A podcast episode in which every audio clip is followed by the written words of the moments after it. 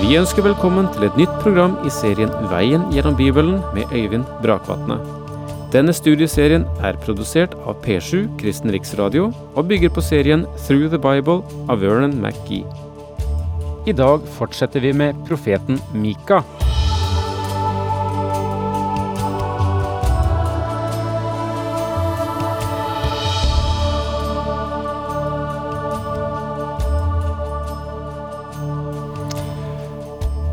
I sin konfrontasjon med folket på Guds vegne. Eh, stiller folket Mika spørsmålet Men hva, hva skal jeg ha med når jeg trer frem for Herren? Vi kan liksom ikke skjønne, som du aner at de er tusjert av det som, som eh, Mika sier. Eh, vi, vi, vi, følger jo tradisjonene her. Vi gjør jo som Herren har sagt. Hva, hva, er det mer som kreves? Hva skal jeg ha med når jeg trer frem for Herren? Og så har Mika stilt frem en norm for folket. Og så sier han menneske, Herren har jo sagt deg hva godhet er, og hva han krever av deg at du skal gjøre det som er rett, vise trofast kjærlighet og vandre ydmykt med din Gud. Og på bakgrunn av denne normen går han nå inn igjen i konfrontasjon med folket og sier hør, hvis dette er normen, hvor er det dere viker av da? Og så peker han på ting efter ting, forhold etter forhold, der folket viker av fra det Gud vil og som er årsak til at de selv er kommet i vanskeligheter, at asyrerne er i ferd med å angripe dem og føre dem i fangenskap, at eh, nasjonen er i ferd med å bryte sammen mm, fra innsiden. Alt dette har skjedd fordi at de kommet på tvers av det Gud vil. Og de versene som følger etter, er da enkelttilfeller tatt ut saksområder der de bryter mot det som er normen. For eksempel i vers ti, der det sto Er det ennå i de ondes hus skatter, samlet på urett vis, og en snau, forbannet Efa.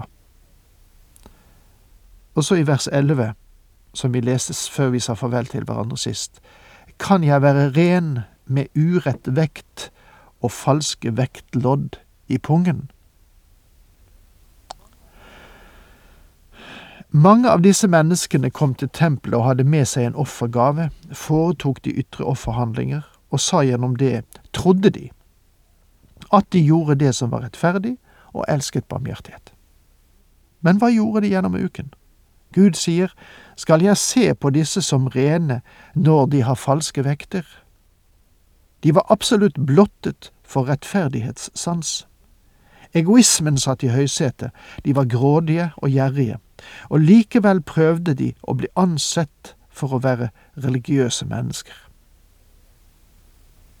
Og så fortsetter da, da Mika her, og nå går vi inn igjen i teksten, altså Mika 6 vers 12. Dine rikmenn øver vold, dine borgere farer med løgn, en svikefull tunge har de i munnen. De rike var skyldige i vold. De var løgnere, de var smarte. Du kunne ikke tro på dem. Er dette et bilde av vår moderne, vestlige verden? Er dette et bilde på det samfunnet der du og jeg lever? Vi har vanskelig for å tro media. Vi har enda vanskeligere for å tro politikere. Det er en tid da det, da det er vanskelig å tro både bankvesen og næringsliv. Vi lever i et samfunn der stadig flere av oss alminnelige kjenner oss forvirret. Vi vet ikke hvem vi skal tro på. Og dette var situasjonen i Israel da Mika sto frem også. Og Gud ville ikke godkjenne situasjonen som den var. Faktisk var dette et av de forhold som drev dette folket nedover og førte Guds dom over dem. Nordriket i Israel var på Mikas tid i den samme situasjonen som vi er i dag, og Gud ville ikke se mellom fingrene med dem. Selv om de var hans utvalgte folk, som en nasjon, så førte han oppgjøret over dem. Men jeg vil begynne å slå deg, ødelegge deg for dine synder. Faktisk, sier Gud, jeg vil begynne å ta livsgrunnlaget fra deg, det som du nå roser deg av. Bit for bit vil jeg gjøre ende på det som du nå fester din tillit til. Du skal spise og ikke bli mett. Tom skal du kjenne deg. Det du legger til side, skal du ikke berge, og det du berger, gir jeg til sverdet. Det Gud sier her, er at folk ikke lenger vil være i stand til å glede seg over de ting som de har lagt sin glede i tidligere. Alle disse tingene som de har hatt. Det vil bli knapphet og eventuell hungersnød i landet. Forsøk på å plassere rikdommen på et trygt sted vil ikke lykkes. Fienden vil få tak i dem. Du skal så, men ikke høste. Presse oliven, men ikke salve deg med olje. Presse druer, men ikke drikke vin. Fienden vil føre dem bort fra landet deres, ta dem med til Asyria som fanger. Gud hadde til hensikt å beskjære dem, men gjøre det gradvis. Det ville selvfølgelig gi dem muligheter til å venne seg til ham. Og neste kapittel gjør det helt klart at Gud ville ha tilgitt dem når som helst de hadde vent seg til ham. Men, min venn, du må venne deg til ham, for Gud står de stolte imot, men de ydmyke gir han fremdeles nåde. Israelsfolket holdt fast på de ytre religiøse forhold men i sitt hjerte var de langt fra Gud. Det viste seg ved at de var uærlige i forretninger. Selve livskjernen var uren. Det var mye vold. Her var det løgn og bedrag. All slags synd fant grobunn i dette folket, og Gud kan ikke velsigne et folk som ikke vil gå opp grensene mellom rett og galt. Du har fulgt Omris skikker, og båret deg ad som Akabs ett. Etter deres råd har dere vandret. Derfor vil jeg legge deg øde og gjøre dine borgere til spott, og mitt folks skam må dere bære. En ny lytter vil selvfølgelig stille spørsmålet hvem i all verden er Omri, og hvem i all verden er Akab? Jeg har aldri hørt om dem tidligere. Hvorfor sier Gud om dem det han sier? Et slikt spørsmål sier noe om nødvendigheten av å studere Det gamle testamentet slik at profetbøkene og de historiske bøker holdes sammen, slik at hver profet får tale inn i den historiske situasjonen som han befant seg. For eksempel betyr det at Mika burde vært studert sammen med de historiske opptegnelser under Hiskias regjeringsperiode i Sydriket og Akab og Jesabels periode i Nordriket. Men i alle fall, om vi nå går tilbake til første kongebok, så vil den kaste lys over dette verset her hos Mika. Omri var en av kongene i Nordriket, faktisk den mest ondsinnede.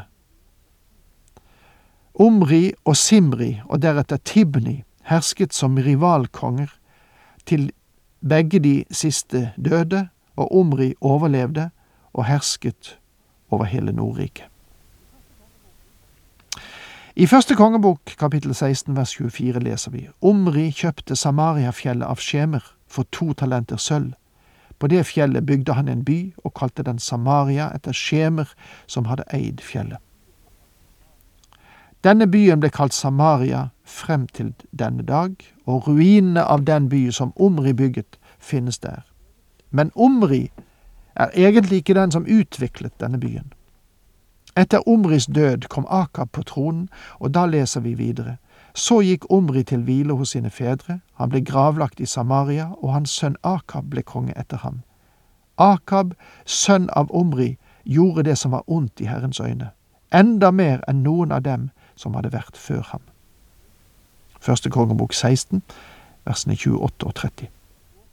Det sier jo noe, men årsaken til at han satte rekord i ondskap, var at han hadde en sterk hjelper i sin hustru Jesabel.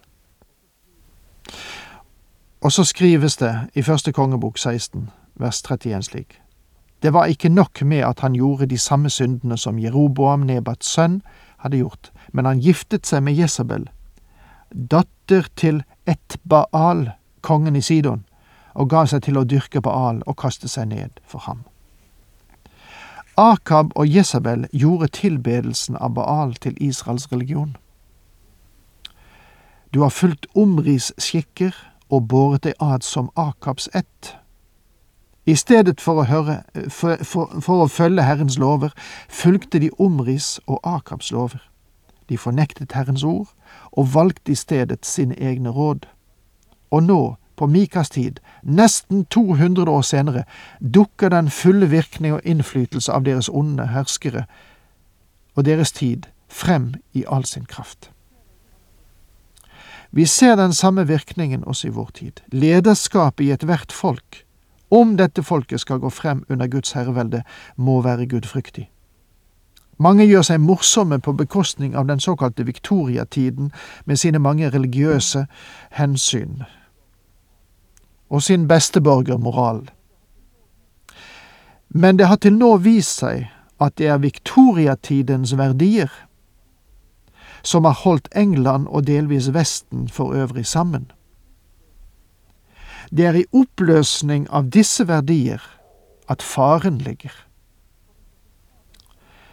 Som et resultat av selve samfunnsveven går i stykker, brer den grove umoralen seg over folket.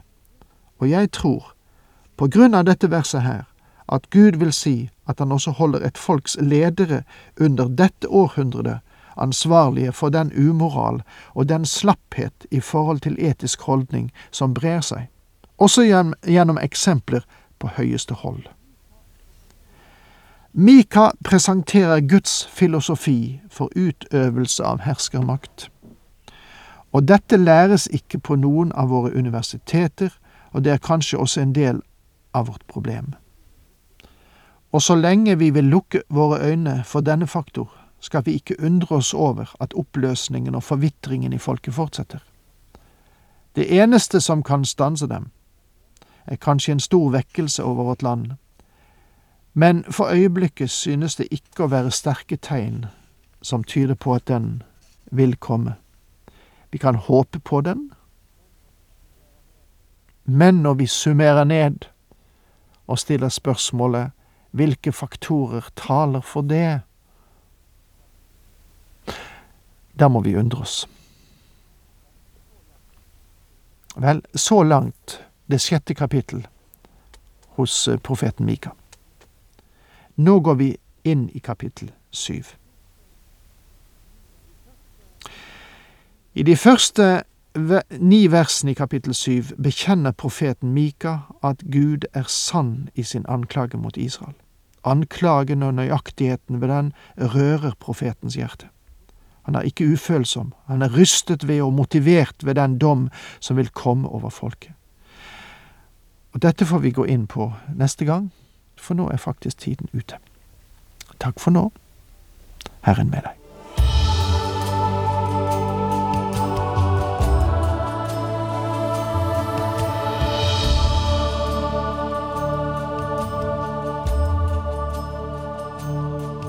Du hørte Øyvind Brakvatne i studieserien Veien gjennom Bibelen. Serien bygger på et manus av Vern McGee. Har du spørsmål eller kommentarer til programmet, kan du sende en e-post til vgb krøllalfa p7.no. Takk for i dag, og på gjenhør.